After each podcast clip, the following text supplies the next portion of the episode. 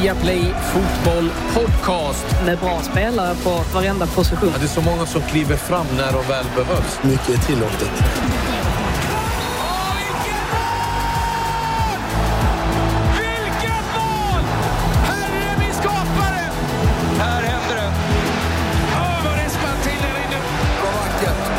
Det är bästa dagen på året. Det största som har hänt fotbollen någonsin i princip. Det är torsdag, det är nytt eh, avsnitt av Viaplay Fotboll Podcast. Upp i 25 avsnitt nu Bojan. Hur är läget? Ja, jag varit med i 12,5 då. Ja. Jag får ihop det då. 13 eller 12 Du är eller som 12,5. expected goals, Ja, 2,5. exakt. Vi ska ju ha gäst senare så jag var tvungen att fråga honom om det här. Hur många avsnitt är jag med i? Ja, Allt bra? ja det är det faktiskt. Jag ska inte ljuga. Jag kom hit, jag mådde inte så bra, men nu är det kul. Det är kul. Bojan är som en vandrande expected goals. Det, men jag sa ju till Frida, problemet är med mig, det är att när jag har ingenting att säga, som jag inte hade när jag kom hit. Det är då jag pratar ännu mer och det är det jag måste förbättra. Jag måste få bättre balans. Och när jag har någonting vettigt att säga, då pratar jag mindre. Jag förstår inte mig själv. Vad, vad händer Bojan? Eller hur Frida? Ja, nej men faktiskt. Och jag, jag sa ju också någonting i stil med att alltså, ibland kan jag också känna att nu har jag sagt allt jag vill ha sagt den här veckan. Nu kan jag vara tyst ett par dagar och sen samla ny kraft. Men jag, jag tror jag har lite kvar att ge idag i alla fall. När Frida känner så, då går jag in på Clubhouse och snackar lite till. Ja, men det är nog på grund av Clubhouse, lite grann. För att där, eh, det blir liksom ännu mer prat. Det är det enda jag gör dagarna ända. Det är att lyssna på min egen röst. Jag säga vet inte, jag intervention för dig snart. Frida. Så jag, är Clubhouse så, jag intervention. kände mig så gammal. Jag, jag fick vi inbjudan Clubhouse. Jag bara, vad är det för fest? Vem, det är pandemi. vad är det här för rave? Jag bara, alarma! Du vet, jag började göra, sätta på scooter. Mamma, nej det är chatt. Jag bara, vad fan är det här? Jag, bara, jag trodde jag skulle lägga mig på någon lista typ när coronan är över. Clubhouse. Clubhouse. Nytt ställe- Nytt ställe i stan. Ja, Det, det är ganska, jag kan faktiskt re- rekommendera det. Tom som ska vara med lite senare, han och jag hade ett samtal bland annat med eh, Ryan Babel häromdagen. Så att man hamnar i lite sådana lite såna konstiga eh, konversationer. Så att det, det är trevligt. Om eller med Ryan Babel? Nej, med. Med. Han var med. Med? Ja, direkt från Du har Turkiet. frågat om man eh, valet av frisyr ibland. Ja, jag vet inte vad vi pratar om riktigt. Han hade inte så mycket att komma med tror jag. Det var ganska brief, brief inspel, sen lämnade han. Sen, han, han bara, "Ah, I'm out of here. Det är som gamla MSN, man bara loggar ut. Man är grön och sen kollar man på folket som är inne och sen bara trycker man offline sen är det en grå gubbe istället. Ja, lite så. Han sa någonting om Turkiet och, och holländsk fotboll och Fulham och sen så hade han gjort sitt. Sen, sen, var, sen var han nöjd. Började Ja, du gäspa när han lämnade? Alla bara, skönt att han lämnade. eh, Snoozefest. Ja, Ja. Snoozefest. Snusfest. Ja, vi har en hel del att eh, gå igenom eh, och det är väl lika bra vi sätter igång. Det duggar matcher tätt i Premier League och lika tätt så duggar vinsterna inför Manchester City. 21 raka vinster nu och nu är det bara en kamp om Champions League-platserna som återstår. Vi gästas av Tom Warville, analytiker på The Athletic och vi ska prata analys och data inom fotbollen. Gareth Bale, två mål, en assist mot Burnley. Är han tillbaka? Ser du rösten? Ser du rösten? Nu är du tillbaka igen. Ja, det ska bli spännande och eh, väldigt spännande med Tom Warwill då som eh, vi ska prata lite data analys och expected goals och eh, annat smått och gott med som är oerhört eh, skicklig inom det där. Men som vi alltid gör, vi börjar med senaste nytt med Frida. Ja, vi får ju börja med bråket som eh, skakade om, eller skakar om snarare, Newcastle. Det är ju Daily Mail som skriver om en incident som inträffade, eller ska ha inträffat, under en träning tidigare i veckan. Då Steve Bruce och Matt Ritchie rök ihop. Och eh, bakgrunden ska ha varit att Ritchie var förbannad på Bruce för att han beskyllde honom för att inte ha uppfattat tränarens taktiska budskap i mötet med Wolves. Eh, därav att Wolves lyckades kvittera. Och Richie ska inte vara ensam om att börja tröttna rejält på Bruce. Framförallt ogillar, eh, ogillas hans benägenhet att alltid skylla problemen på någon annan. Det är aldrig eh, Bruce fel eh, när något går snett helt enkelt. Så eh, det är väl inte helt omöjligt att Bruce lämnar snart och att eh, Graham Jones då gissningsvis tar över resten av säsongen. Och eh, ja, precis som vi nämnde innan också, vi undrar vad kraft står i allt det här om han. Jag kan inte tänka mig att han är en av dem som som liksom tar ställning så tydligt utan kanske lite mer i, i bakgrunden. Men det hade varit intressant att, att, att veta eh, hur han känner just nu. Eh, I övrigt så kommer England inte få arrangera hela sommarens EM trots Boris uppmaning om Let's bring football home. Funkade inte. Istället vill eh, Uefa fullfölja planen att eh, sprida ut mästerskapet så mycket som möjligt mitt under en pandemi. Det är en jättebra idé. Och eh, sen kom det besked idag om att CL-returen mellan Liverpool och eh, RB Leipzig eh, kommer flyttas. Åttondelsfinalen kommer istället avgöras på Puskas arena i Budapest som ju har använts en del de senaste veckorna.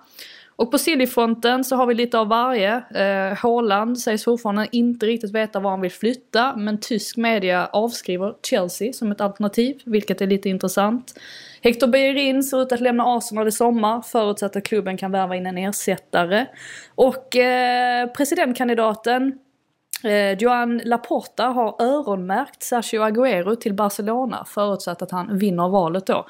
Eh, det kan ju vara ett bra sätt att få Messi att stanna en säsong till om man nu så vill.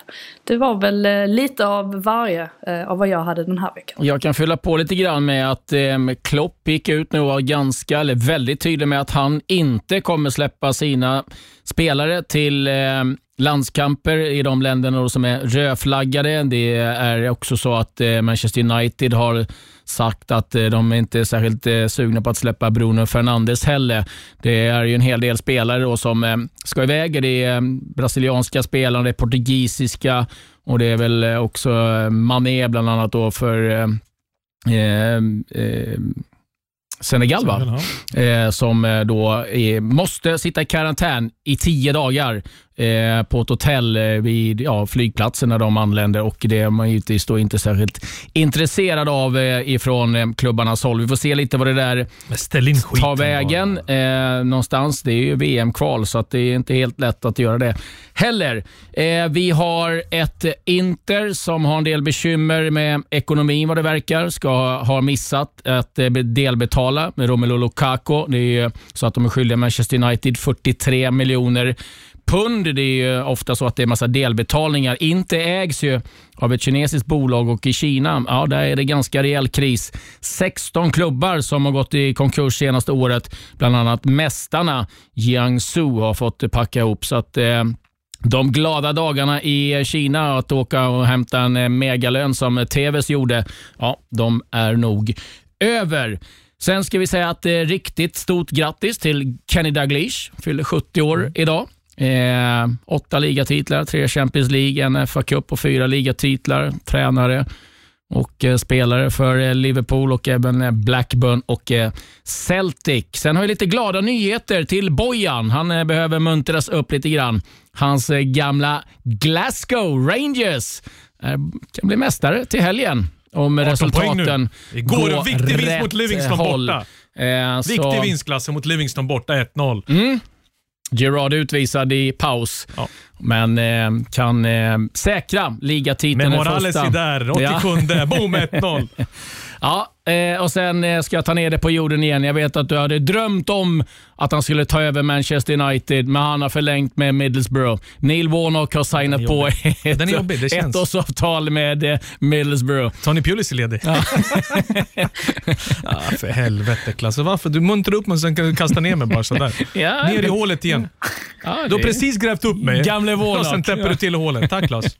ja, det är starkt jobbat eh, över 70. Eh, det. Han och Roy Hodgson de krigar på där mm. eh, än. Men det var vad vi hade i nyhetsvar. Just Just det, en grej till. Det missade jag ju. Oj. Oh. Ah, den jag tycker är lite rolig. Eh, du kommer känna igen det här Bojan som är en gammal stöt som jag. Raheem Sterling har börjat svart, måla över sina skor med helsvarta. Han har inget sponsoravtal längre, så att han gör en klassiker. Det är mycket pund. Det är mycket sponsorbolag mm. som slåss över den där signaturen kan jag tänka mig. Men det, det, Frida, hörde du när Claes sa, men jag har också någonting litet. Nu har det gått 12 minuter med klassiska ja. nyheter. Men fan, hur är vädret då? Hur kommer ja, vädret? Ju, jag, ja, men det är därför jag inte tar med så mycket. För att jag, jag tänker alltid att men det är bättre Claes tar över sen Nej, vilka påhopp. Jag har lite andra nyheter bara. Jag har en annan vinkel på dem. Hörru, vädret i helgen då? Har du någon Nej, det är skit. jag, ska, jag ska vara inne och jobba så det får vara vilket väder det vill. Jag kan se det som en liten väder. Det är som Frida, jag tror inte hon bryr sig så mycket om vädret heller. jo, det bryr hon Lite mer roliga med solen. Jag kan inte säga det här är inte Ja, roligt. det är det. Få Helt lite klart. sol på ansiktet. Ja, det är Helt jättetrevligt Ja, när man är därför ledig. frågar jag. Nästa gång så får du se oss Ja, jag kan ge väderprognosen. väderprognosen. Jag kan se det snart. har inte stämt en enda gång så jag kan, kan höfta till med att det blir regn i Stockholm och i Medelpad. Ja, inte fan vet jag. Eh, vi, vi, eh, vi tar tag i eh, det som eh, har hänt här i dagarna och eh, vi har haft båda Manchesterlagen i action. Tuff utmaning. Är det Mahrez? Och det är mål! Det är mål! Här kommer bollen. Här kommer nicken. Och här kommer målet! Har ni sett på maken? Kapten Connor Cody. Första nudden i straffområdet på hela matchen för Wolverhampton. Resulterar i mål. Det är 1-1. Walker, Bara den är bra. Kyle Walker, nu kan han pricka passningen till, till Jesus. Här kommer målet. Det är Sterling och det är Bares. och det är mål, stackars Otasovi. Aj, aj, aj, aj, aj. Det är över, det är kört, matchen är vunnen. Four trophies still in in view, and your manager been, has been talking about no complacency in this team. If there's any complacency in the players, then they may lose their, may lose their place. No, no, we, we compete uh, very good with, with each other. It's, it's the only way to improve the, the, the, the level of the team and the squad. But uh, trophies, trophies, well, like I said and everyone said, we have to play game by game and see what what's, what happens because uh, the next game is United, the derby. We need to, to, to stay focused to try to win this game. The quality in the squad is shown by the fact that you can change five, six, seven players and still play at the same level. Well, it's difficult sometimes when we Yeah. change six, seven, but uh, yeah, the quality of every player is so good. So uh, everyone uh, make his contributions, and uh, it's very good for the team. And well done, you're man of the match tonight. Robbie Thank you. Thank you. Congratulations. Ja, det är bra spelat framåt. Aanholt som skjuter, Henderson räddar. Henderson kommer ut så pass bra som han gör. Bollen studsar tillbaka på van Aanholt. Supermöjlighet för Palace. Då får det räcka. Det blir inga mål i, på Sellers Park idag. Det är den fjärde oavgjorda på de fem senaste matcherna nu för Manchester United. Det är den tredje 0-0-matchen i rad om man räknar med Europa League också. De hade behövt tre poäng Ska de eh, vinna någon titel i alla fall, men visst, det är väl nog ganska få som tror på det. Ja, det är väl inte så många som tror att United ska ta någon titel vad det gäller Premier League i varje fall, eh, med tanke på hur Manchester City ångar på Frida. 21 raka vinster, de har 28 raka utan förlust och ja, de imponerar något oerhört just nu. Det är väl just det att de imponerar varenda gång de spelar just nu, oavsett vilka spelare som är på planen. Det känns som att Pep kan vila i princip vem som helst och de får ändå med sig ett resultat. Visst, man, man eh, hade det ganska tufft ändå mot West Ham och det var ju mittbackarna där som klev fram och, och gjorde målen. Men eh, sen visar de ju här mot Wolves, man satt i princip bara och väntade på att de skulle få in det där målet och sen visserligen så kvitterar ju Connor Cody men nej, det kändes aldrig riktigt som att de skulle släppa den matchen heller. Och eh, jag tycker det är ganska intressant att se hur vi har alltid blivit, vi har blivit vana de senaste åren vid att City brukar dominera matcher. Och nu tycker jag att de visserligen dominerar matchen fast på ett helt annat sätt. Att det eh, handlar mer om att eh, ja, men spara på krafterna exempelvis. Tyckte att det var väldigt tydligt i, i mötet med Gladbach i, i Champions League. Att, eh, att Pep Guardiola hela tiden tänker ett steg extra inför en match och då menar jag inte att han övertänker det som vi gärna diskuterar och tycker att han kanske gör lite för ofta utan att han är väldigt vettig hela tiden i, i, i sina uttagningar och sen så har han ju en otroligt bredd på truppen, det kan man inte komma ifrån. Och det är ju lite roligt nu att det diskuteras kring huruvida Men City är bättre eller sämre eh, med eller utan De Bruyne. Eh, bara en sån sak visar ju att eh, Guardiola har ju, han har ju ganska många lyxproblem just nu om man säger så. Ja, och det är, det är lätt att, att säga att de har liksom kunnat cruisa på, men tittar man så har de ju haft ganska mycket skador och eh, drabbats av eh, covid. Men Agüero har knappt spelat, eh, Jesus har varit eh, borta, så han har ju fått laborera en hel del. Kevin De Bruyne har varit eh, borta också, så att det, det, det är verkligen en truppinsats Ja, som, såklart det. som de har gjort. Ja, det är ett kollektiv. Ja, vi har alltid pratat om deras återövring, eh, chanser de skapar, insticken, hur de har ett bollinnehav på motståndarnas bo- planhalva hela tiden och sen har vi alltid pratat om nackdelen ja, med de defensiva omställningarna. Det räcker att man skapar en halv kontring så gör man mål mot City. Och nu har de försvarsspelet i takt. De skyddar sitt straffområde, skyddar sitt mål, fokus, koncentration. Och Riyad Mahrez var inne på en bra grej i intervjun.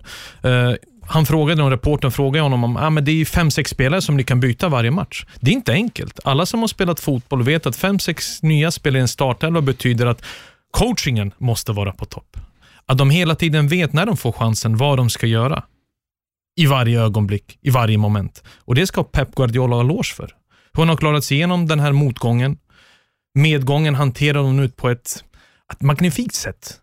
För att kritiken nu, när man inte hittar någonting att göra, det så här, men såklart med den truppen och den bänken, såklart de ska köra över Premier League. Men så var inte tongångarna tidigare. Varför kan vi inte berömma honom för den insatsen?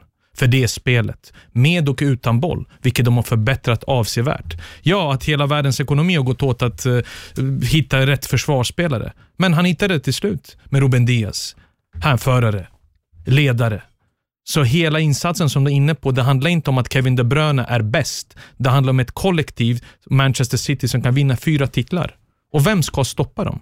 Men han hade bytt ut varenda titel mot Champions League. Det är det där är stora testet. Hur de tar sig an senare kvartsfinalerna. För Mönchengladbach kommer de bara städa av. Så att, nej, jag är mäkta, mäkta imponerad och Frida var inne på ett lyxproblem med Kevin De Bruyne. Folk måste ju förstå att när Kevin De Bruyne spelar så söker de sig hela tiden till honom. Varje passning går ju till Kevin De Bruyne. Det är helt annat Manchester City på det sättet. Då har inte Gundogan samma plats eller Bernardo Silva som inte alls, eh, inte lika bra, men de är inte lika synliga när Kevin De Bruyne spelar.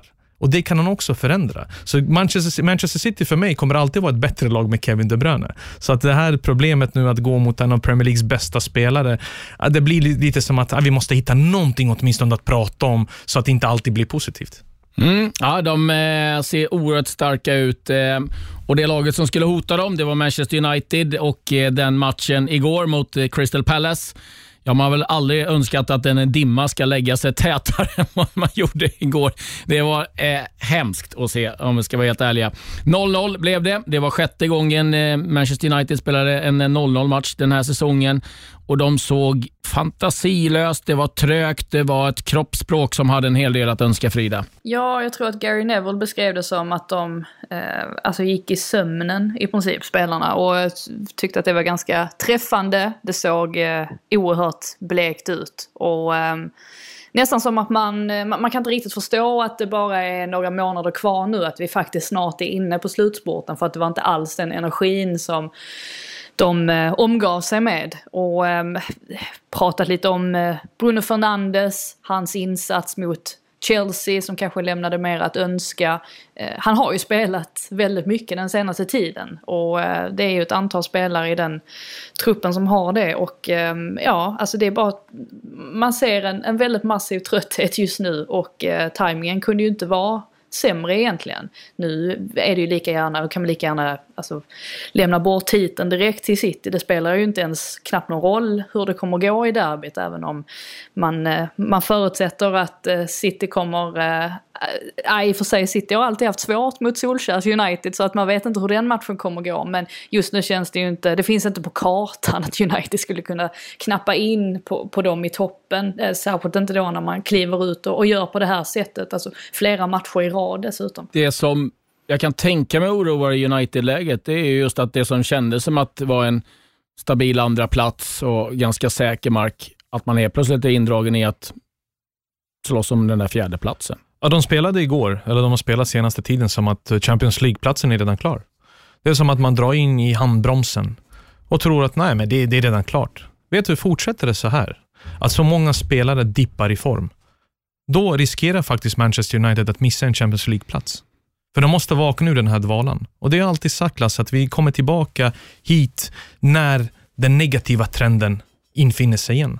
Men den kommer ju alltid komma under Solskjaers ledning. Det är ingenting nytt. Det är inte att spy galla, det är inte att kritisera. Så är det bara. Sett till vad man har presterat också mot de här som vi kallar Big Six. Man har gjort ett mål och det är inte ett spelmål. Det är ett straffmål mot Tottenham med 1-6. Resten har man gått mållösa av plan. Och nu väntar Manchester City på söndag. Och Det handlar inte om att City redan vunnit ligan. Det handlar om stolthet.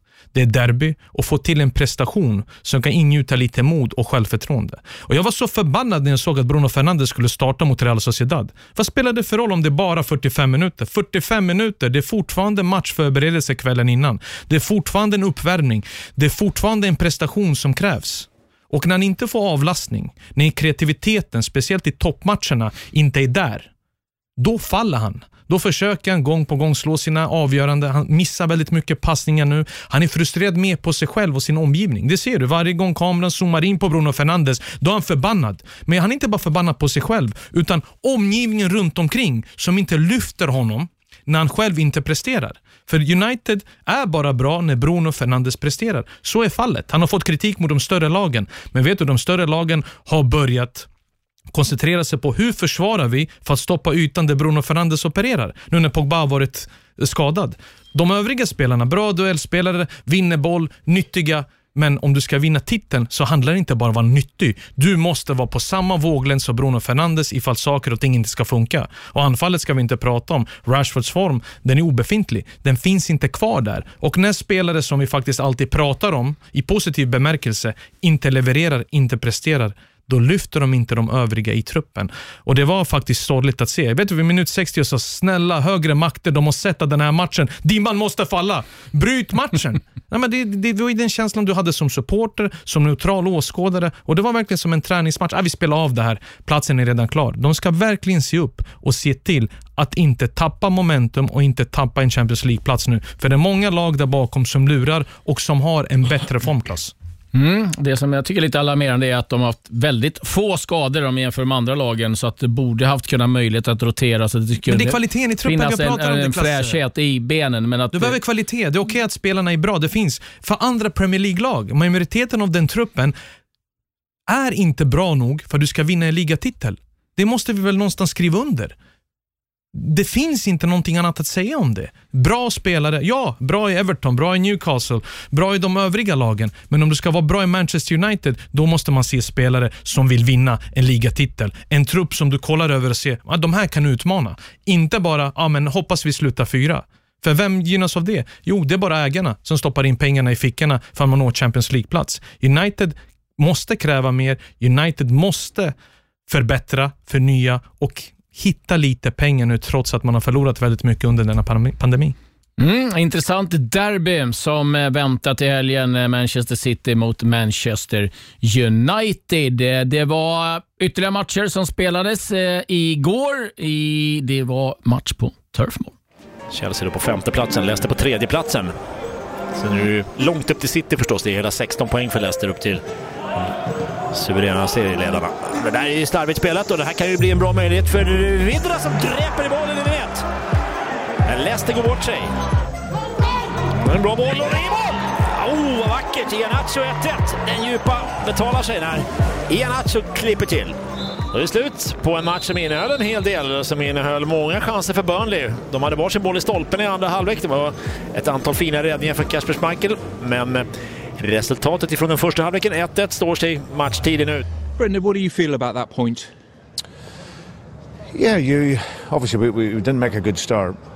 Clearly, it was uh, uh, not a very good goal for us to, to concede. But I thought the mentality of the players then uh, to come back into the game, um, played some good football at times in the first half, and then we scored a great goal. Um, second half, we didn't start that well enough either, and so we had to. You know, when you play Burnley, you've got to take that pressure. You know, the ball coming direct, and and they get into good areas on the sides, cross it, so you've got to defend that well. And then I felt then as the second half wore on, it looked like we um, we, could then go on and, and obviously win the game, and we nearly did when when Yuri hits the post. So. Uh, but listen, it's it's four out of six points against Burnley, and you know when you play against Burnley over two the two games in the league, it's it's a tough game, and especially the turnaround after the weekend, the sh- you know the short preparation time and the physicality needed in a game like this. But uh, but overall, we, we, we take our point and. Uh, yeah, there's certain areas we can be better in. Brendan Rodgers skulle säga att Burnley är en eh, viktig poäng för deras del i, bottenstriden, men eh, Frida, Leicester, man börjar få lite oroande vibbar av det som hände i fjol eh, med Brendan Rodgers och Leicester, att de eh, såg så stabila ut men sen så börjar de rasa neråt. Ja, men visst är det så. Eh, hade ju en katastrofal förra vecka där med uttåg ur Europa League och sen så förlusten då mot Arsenal.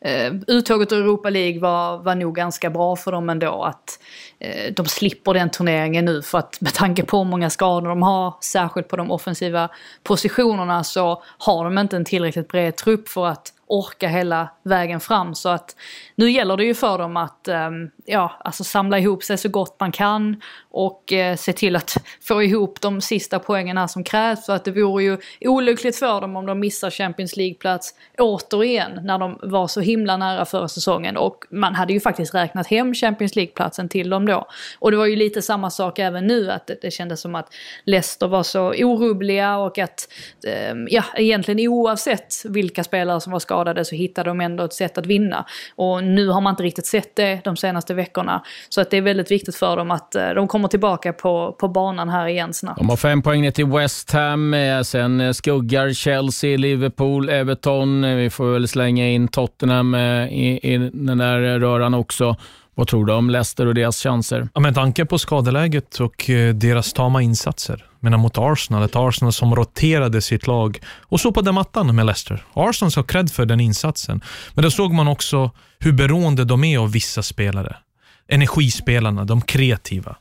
Det var verkligen fantasilöst och igår ska de ha tur att de får med sig en poäng. För det var Burnley som skapade chanserna.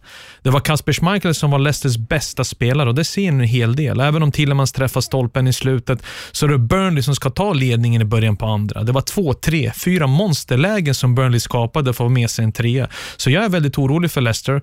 Såklart man får ju vibbarna från den förra säsongen. Även om de hade en slutmatch där mot United där det, var, det handlade om Champions League-platserna. Men innan dess var de redan klara. Man räknade med Leicester i topp fyra och sen föll de ur. Men nu måste de verkligen få tillbaka en stabilitet defensivt, för de släpper till alldeles för mycket chanser. Eh, de skyddar in sin backlinje på samma sätt som de gjort förut, så de känns ju trötta. Och sen väntar en tuff match mot ett Brighton som behöver poäng, så där måste de få med sig någonting. Annars kommer ju Leicester vara det laget som du kommer stryka ur den här topp fyran. Mm, det är ett eh, tufft läge för eh, Leicester nu. Vi får se lite hur det går för dem. En spelare i Tottenham som eh, verkligen eh, kom tillbaka och gjorde det rejält mot Burnley, det var Gareth Bale. Ja, det där är bra boll in och det är Bale som petar in 1-0 och eh, det är drömstart. Jätteyta för Bale på höger sida. Son eh, hittar över med passningen. Bale eh, tar emot den och Bale gör eh, 4-0 för Tottenham. Och Bale, ja, han gör succé. Gareth, two goals, great assist, man of the match. Pretty good day. Yeah, no, not bad. Um, yeah, the most important thing today, we knew we haven't been on a great run, so uh, it was important to, to get back to winning ways and, and get some confidence, and uh, hopefully we can build on it.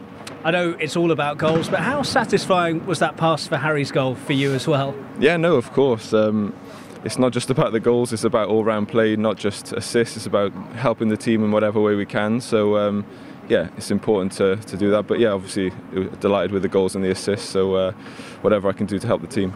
The manager said that he thinks that you're at your happiest since you came back to Spurs and that the confidence is back there. Did we see that today?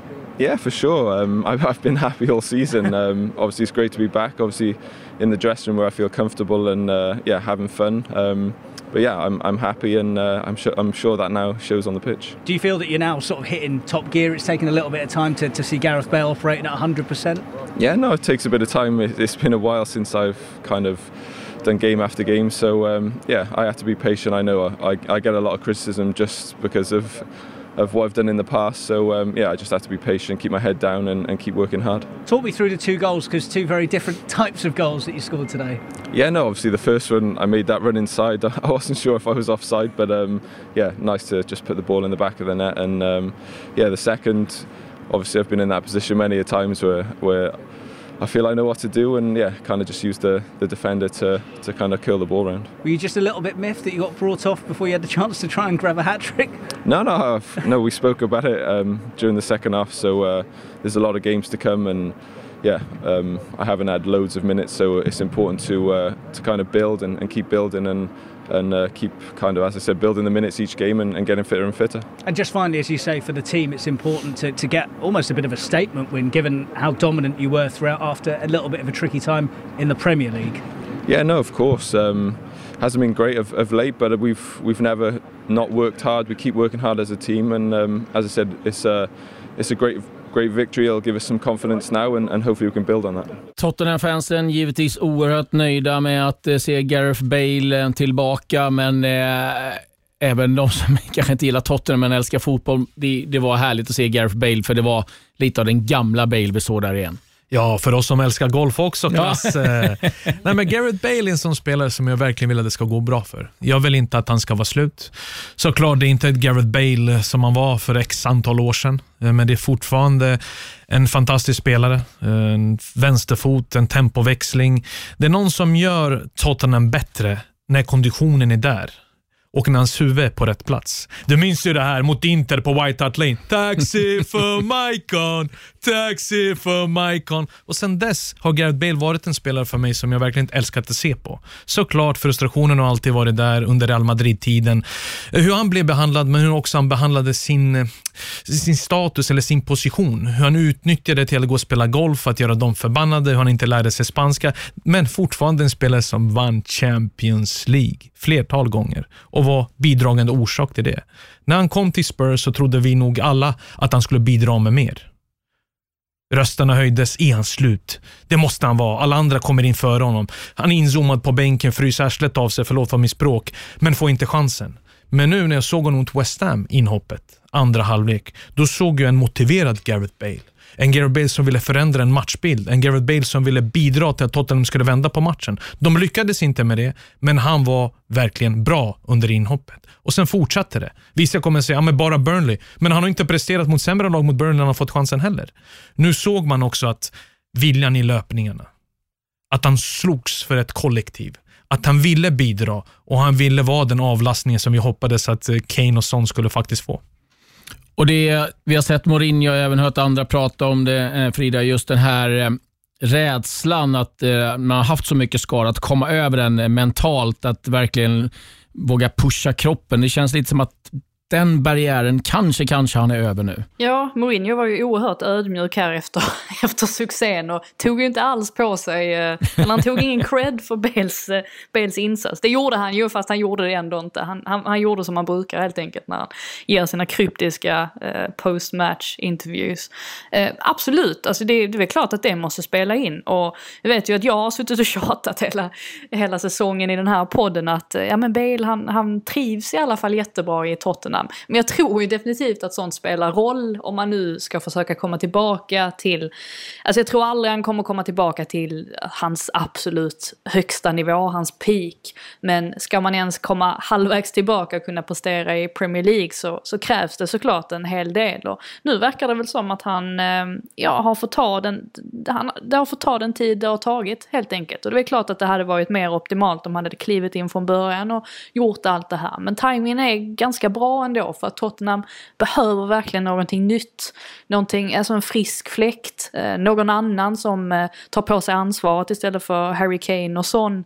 Och nu har de Gareth Bale som verkar göra detta. Eh, så vi får se om han, han fortsätter på den här inslagna vägen. Vad var det? Wales, Golf, Real Madrid, flaggan.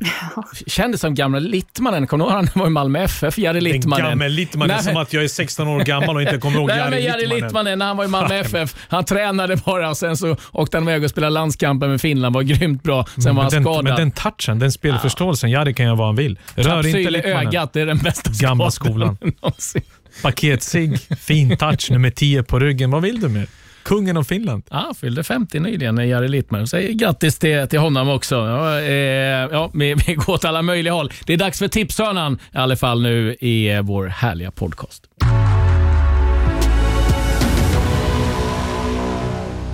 Vi har nu med oss i, eh, från England Tom Warwill som jobbar som analytiker på The Athletic. Så att eh, nu blir det engelska här ett eh, tag och jag hoppas att ni är okej okay med det. First of all, uh, thank you very much Tom for taking your time uh, to be with us. Um, and um, congr congratulations to the nomination that you got for the Data Journalist of the Year. Thanks, guys. Yeah, great to be here. And yeah, that was a, a bit of a surprise, but I'm thrilled to see that someone who's doing uh, football analytics work and charts and data within football is uh, up against some of the, the best names. And some of the guys on those list on that list have, have done some fast, fantastic work in the the pandemic. Mainly John Burn Murdoch of the FT. I'm a, I'm a huge fan, so uh, honoured and, and delighted, really. Yeah. You write for the uh, the Athletic now. Can you tell us a little about your background? I going way back, studied at the University of Leeds, um, and I was doing economics, uh, and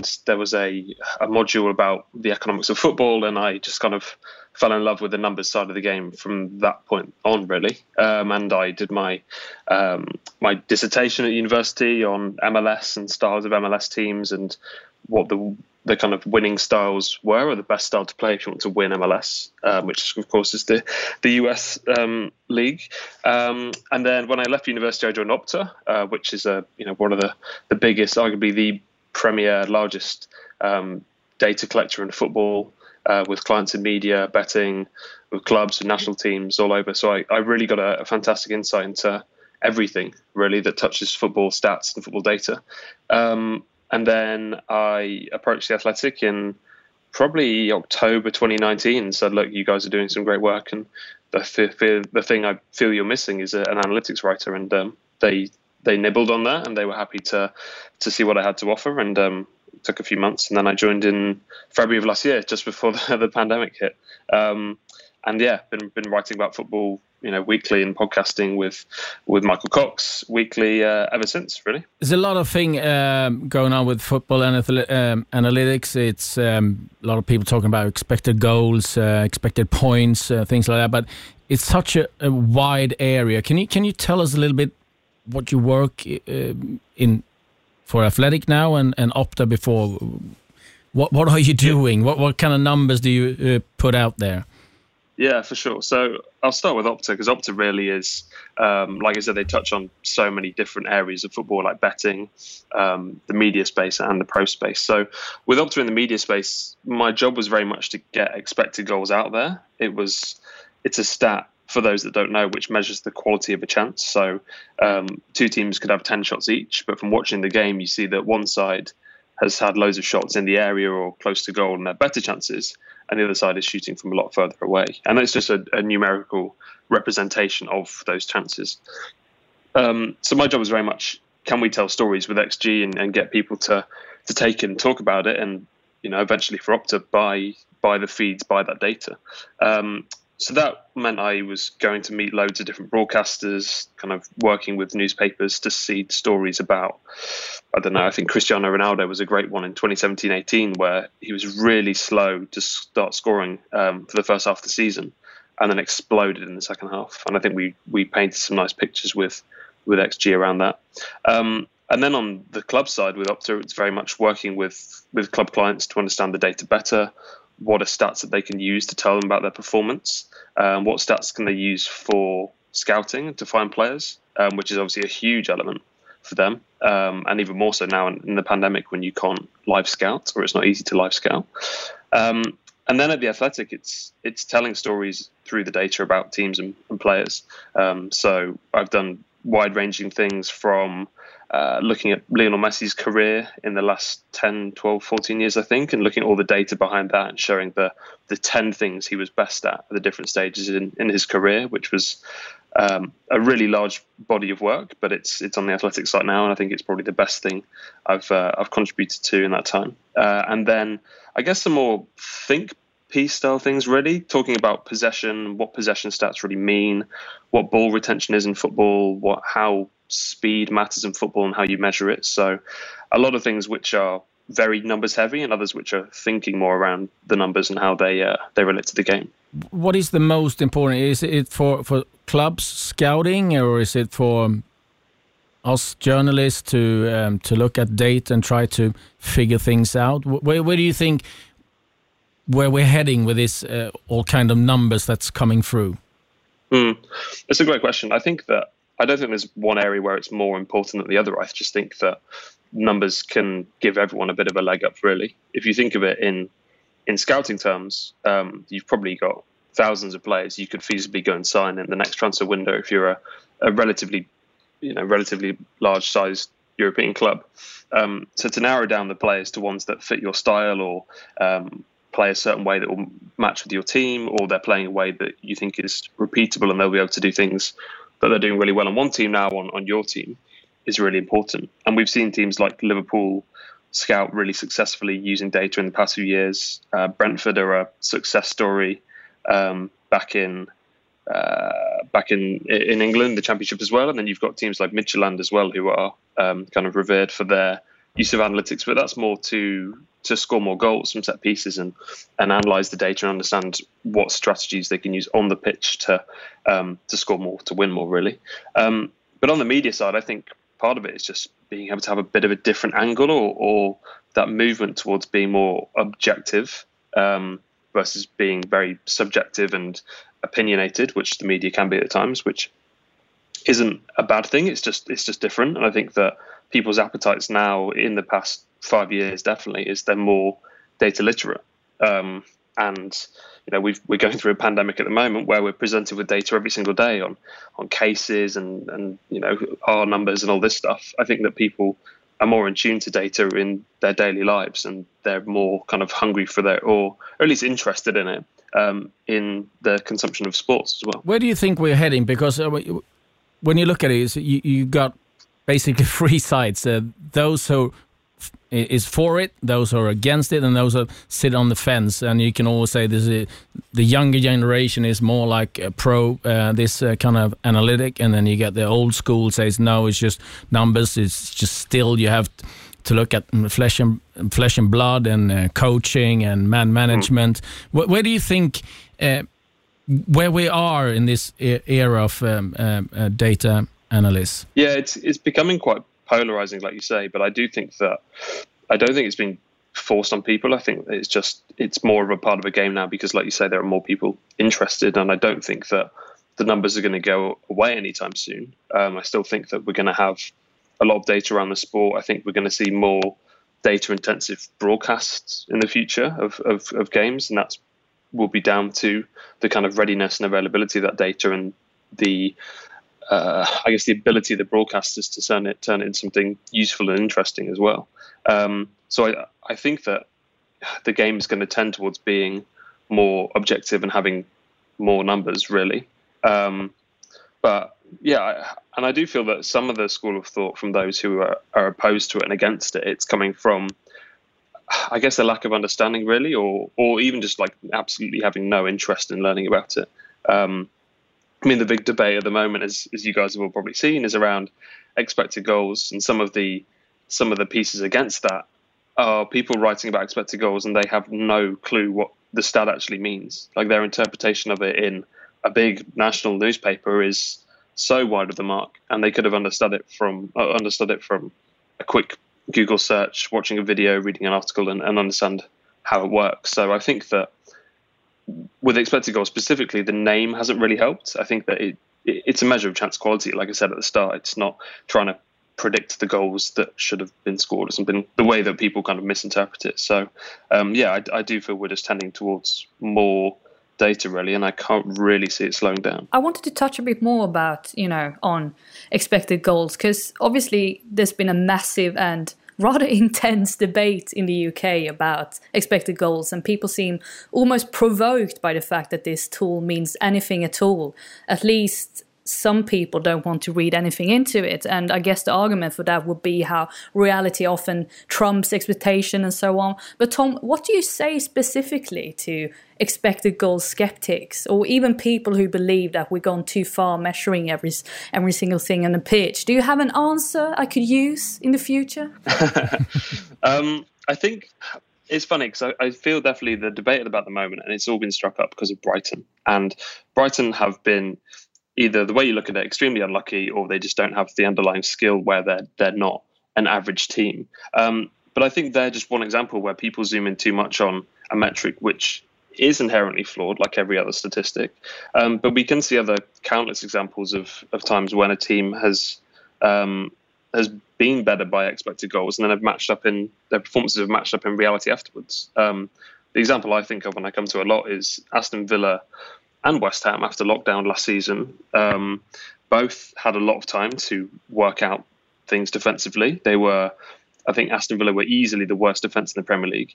Um, they came back after lockdown, and results didn't change too quickly. But you could see from expected goals that things were moving in the right direction, and they were they're improving at the back. Um, and that, as well as a, a very successful transfer window, in my opinion, has transformed them now into a you know a, a very solid top um, top half Premier League side. Um, and you could see that from expected goals if you paid attention to the stats. So I think there are there are you know one answer is to find a use case which paints the stat in a positive light. But then with Brighton, I, I still kind of have faith that they will come good at some point. Um, there's some, some opinion there's some opinion that the models are a bit flawed and they're missing things. And I think the the other thing with Brighton is they've had these chances, but I think they've got the second fewest percentage of their shots on target this season as well, which tells you, yeah, they're getting good positions, but the the finishing or their time, I think, if you look at it a bit deeper, they get on the ball, but they're they're missing the target, or they wait to shoot, and the defense catches catches up, or blocks them, or forces the angle. So, um, Brighton, a really interesting one. I still put my neck on the line and saying I think they will be fine, um, and they will come good. And you see that's why the club is stuck with with the manager as well. Tom, does that, does that come down to scouting? We're speaking about Brighton now. You know, they have a they have possession, they create chances, but does that come down to the scouting, not actually recruiting or buying a killer in the box? A proper number nine that puts chances away because you put money on Neil Maupay, Aaron Connolly, you put uh, Danny Welbeck in there, and they had a, like a player like Callum Wilson, the left for Newcastle for 20 million pounds. Mm. So what do you think about that? Does that come down to the recruitment then of a player that would actually score them 10, 15 goals and Brighton would be safe already? Yeah, I. It's tough because I think that Maupay, like statistically, isn't a great finisher. Mm-hmm. Um, I mean, I we can see that already this season, but I use some data from from Smarter Scout on the Athletic, and they have a model which looks at how well as a as a striker done based on the, his chances that he's had, but also the quality of the goalkeepers he's faced as well. And Maupay, over his career, consistently has been a subpar finisher. So from that data, you could see and maybe have predicted that this would have happened. But I do think, for all his faults in front of goal, he does have the tenets of, of his game and the way that he plays that really suits Brighton's style. And I think that he's far more suitable to the style of play that Graham Potter looks to play than, say, a Callum Wilson or more of a, a poacher type.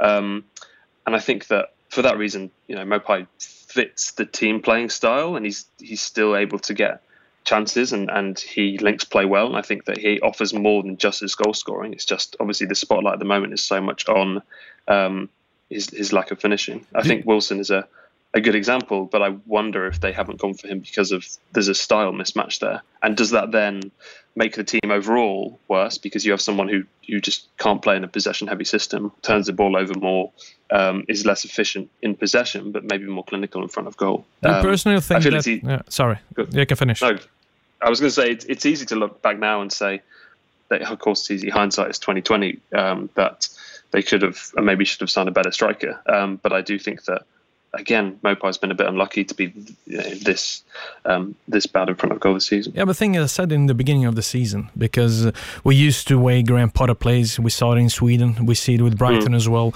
The type of possession they have, they always create chances, and they always lack somebody in the box.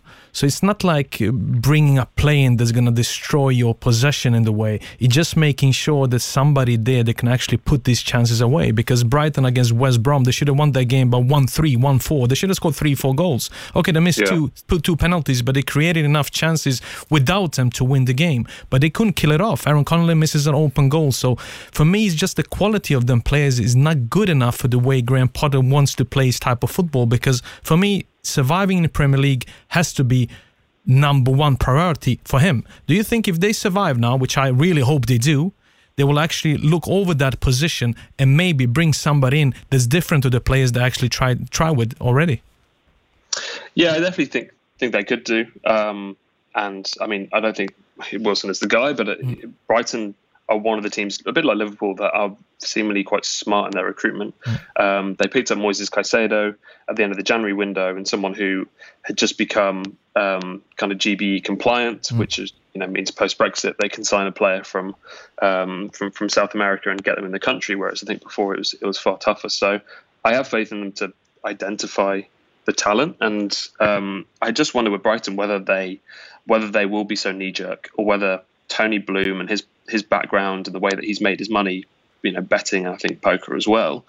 he's such a a probabilistic thinker that he probably thinks that you know potentially he thinks that Mopai has just been unlucky and they stick with him and he, he comes good next year. Um, I took Callum Wilson yeah, I- for example because he just cost 20 million pounds. That's the money that they spend on Neil Maupay. I mean, t- together with uh, Odzik Chidi was three and a half million pounds. So they spent like almost 40 million pounds last two seasons on a striker. That's what I was thinking for. Like Ollie Watkins as well cost 20, 25 million pounds uh, to get from Aston Villa. Just that type of player maybe was just in my head to make Brighton even a better team because you love the way they play. Because it's not just possession Yeah, and going backwards. It's just like you're creating chances for a team that's actually developing into a proper Premier League club and not just like surviving like un- under Chris Hughton. Yeah, but he needs he needs Samagodas. That's it. He, he, they just bought the wrong player from Brentford. Yeah, it's like Neil Well, of course It's it's the not same with similar. Brentford, Sama but- Ghoddos is like Neil Maupay. It's the same thing. But Tom, let me play uh, the devil's advocate here and say that uh, everyone is praising uh, Brighton and uh, the way they play and they're creating chances. And is it a danger of them falling into the? I can't say I can't say the use well trap, but well we're gonna get uh, we we will be fine because we're creating chances, we're playing really well. But in the end of the day, they're not scoring goals and they're not getting points on board. Uh, Do you think there could be a, a danger there of looking at those stats too much? I don't think so. I think in situations like this, you kind of have to hold your nerve and think that the process is sound enough. You're creating better chances, and also, I, I don't think there is an alternative where. Like, what do you do? Do you change style and, and take worse quality shots? Um, like, there's some people calling for them to be a bit more, I guess, direct in the way that Chris Hughton's side was, and, and less flashy and modern and, and, and useful on the ball. And I just don't know if they have the players to even change that style now. Um, so, yeah, maybe maybe I'm uh, I've got XG tinted glasses on, but I, I do think that sticking the course, things will will come good. Um, and this is just a, a big swing in, in variance and a bit of bad luck. Listen, Um, I, I, I, I have another question for you, Tom, regarding Arsenal. Because they're shipping Berin, it's about time that he actually leaves the club. He's been a great servant. But on that right back position, do the clubs actually look at the data and the stats for people like Lamptey, Max Aronson, are people that will actually improve that side? Or how does that work? Do the scouting department actually listen to you people? Or just sitting on the fence and thinking the old school is the way to go? it really it really uh, differs club to club. I mean, someone like Arsenal, they they bought their own data collection company, which means that they have access to data that no other club has, um, and can completely decide what things they want to they want to measure or capture and what leaks. And that is such a an edge, really, when used correctly.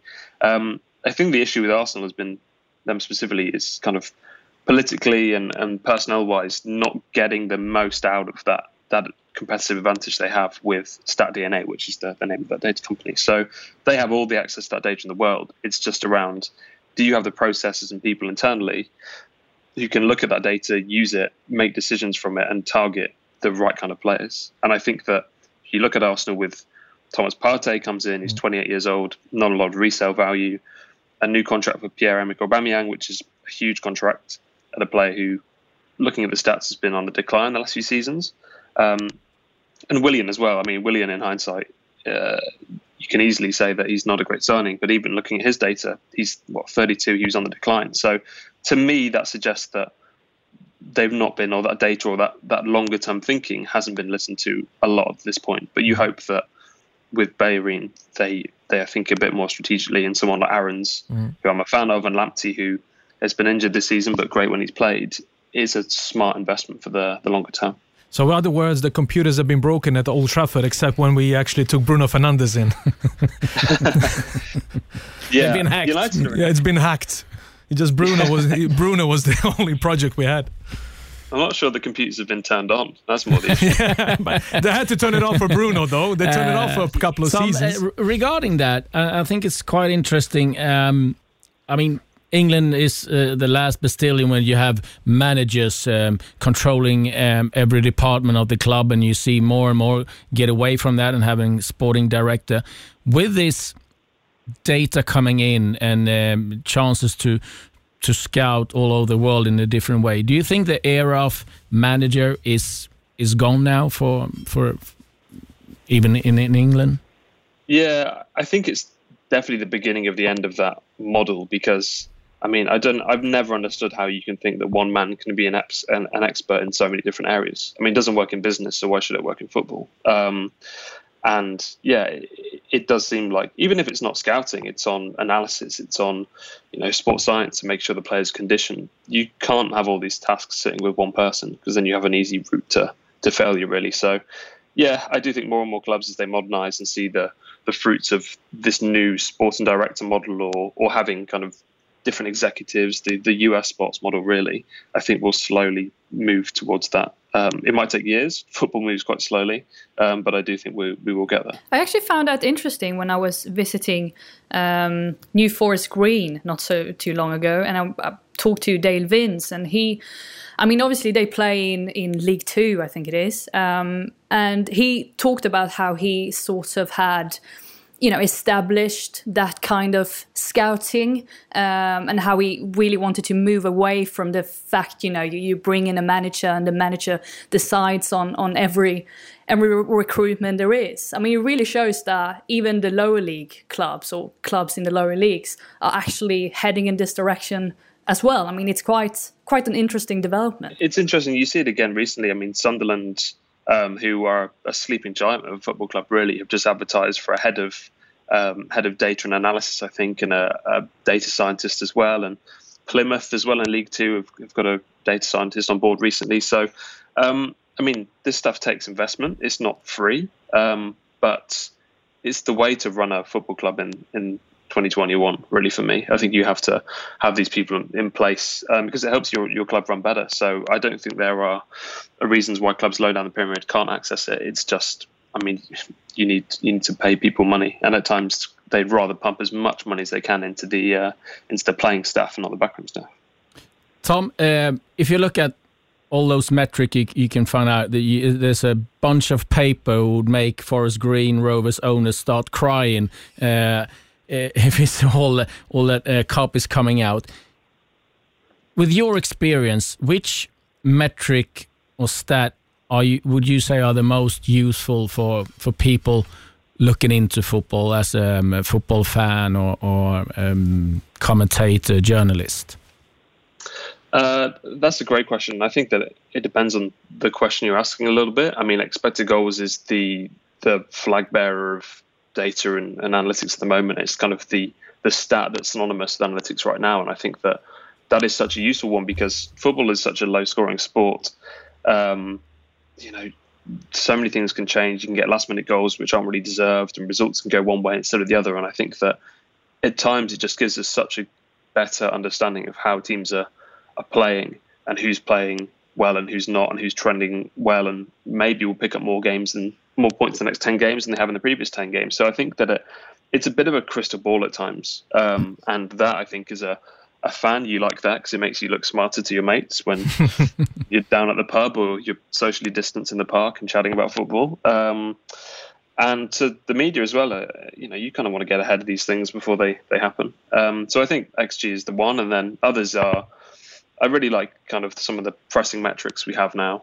Um, PPDA, which stands for passes per defensive action, is is a, a, basic measure which just says how many passes do you let the opposition attempt before you, you try and get a, a foot in and win it back. And even just being able to have a number on pressing, on pressure, and comparing teams throughout Europe or saying you know Leeds are the highest pressing team in the Premier League this year, even more so than Liverpool. I think that's nice just to again tell a story because before we're working from the eye test, and not everyone's seen all the games, but people can relate to a number because it's uh, it's quite an easy one to understand. There. I'm though disappointing you, Tom, because the mighty Argyle in League One. Don't don't put us in League Two. mighty Plymouth in League One now. Steady me table. Yeah. By the way, did I say New Forest Green? I obviously meant Forest, Forest Green, Green, Rovers. Rovers. Yeah, League I, Two. I, I, think I was thinking about the stadium, the new lawn, and then I sort of combined those two. But I definitely, I definitely know I was with Forest Green Rovers. Um, yeah, I just wanted to wanted to add that. Same with me, Frida. I had to put Plymouth in League One there. I couldn't do. I couldn't deal with League Two. yeah. Tom, and uh, if you if you, you're interested in this and to, to to learn more about it, where can you find those stats? Because I know there's some companies that won't can't say the name, but um, uh, quite expensive to, to get hold of the numbers.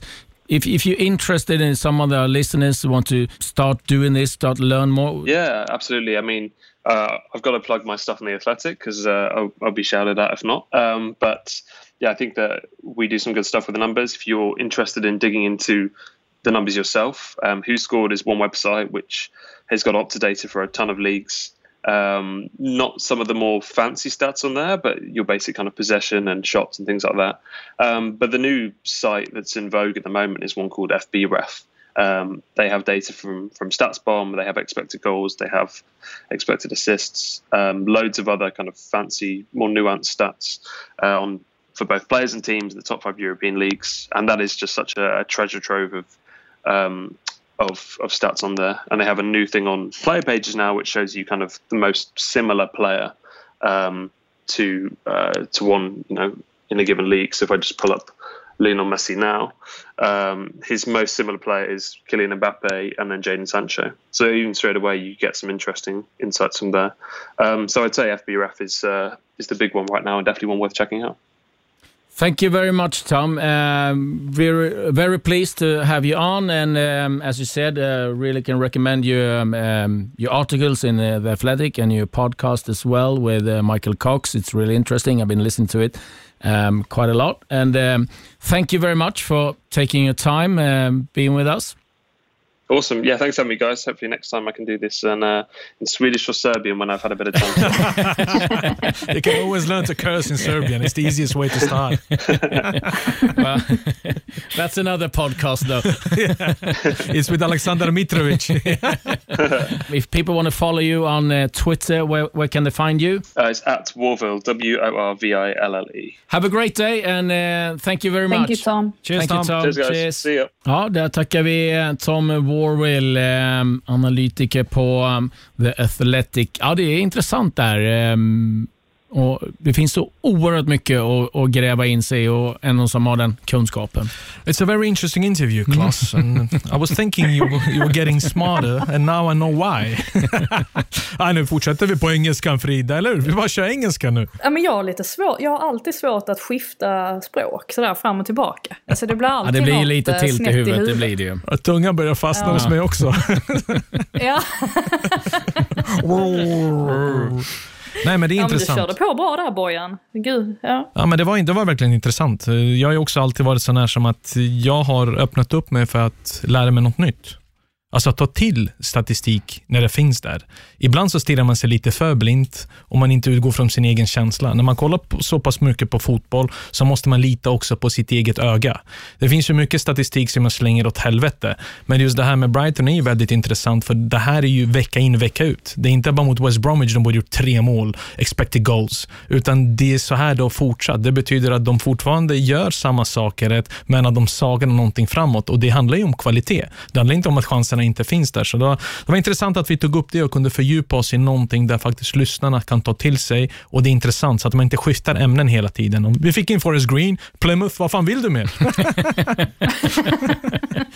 Mycket Brighton också, det är bra. Ja, ja, då är du glad. Du fick du till och med in och försökte värva Ghoddos här nu. Du är på hugget. Men visst liknar lite Nilmo Ja, de i sättet? Ja. Han liknar men Per i det- sättet. Ja men det gör han faktiskt. Sen så går det ju inte riktigt för att han är utlånad. Så att det blir ju det blir svårt för Brentford. Men om Brentford plockar in honom först och sen så säljer honom så kan det bli bra. Mm. Brentford kan börja med att eh, vinna matchen. Torskade mot Norwich senast. Norwich ser ut att gå upp i eh, Premier Nu League ska du inte igen. gå ur med Buendia. Eh, ska är säga det. De eh, eh, sidorna han eh, nämnde där, det är alltså whoscored.com och sen fbref, E f-b-r-e-f.com. Och eh, där kan jag säga, där finns det mängder av eh, statistik att eh, grotta sig in i. Böcker, expected goals är en att försöka läsa om man är lite intresserad av att lära sig allt det här. Jag måste bara, nu måste jag flika in en till sak. eh, Ghoddos har ju förstås skrivit på ett kontrakt med Brentford eh, i januari. Jag vet inte vad det är med mig då. Det är, jag säger grejer och sen så, sen så kommer jag på saker i efterhand. Han skrev på det ett två och ett halvt år kontrakt i januari så att de kan visst det värva honom därifrån. Så. Ja, och nu ska du inte vara med i Clubhouse något mer Frida. För nu, Det blir mycket med Clubhouse. nu börjar det äh, äh, tappa här. Så, Sluta snacka. Ja, vi måste sluta snacka, min sändning börjar snart. Vi ska avrunda. Det är eh, torsdag. Det innebär att det är också Premier League-matcher. Vi har bland annat Liverpool-Chelsea. Den matchen eh, ser ni eh, givetvis ikväll och eh, studion är öppen och då ska Bojan eh, vara med. Vi har tre Premier League-matcher denna torsdag. Sen är vi tillbaka med eh, matcher till helgen igen och de eh, ser ni givetvis på våra kanaler och via Play. Med det säger vi tack och adjö härifrån. Cheers mate!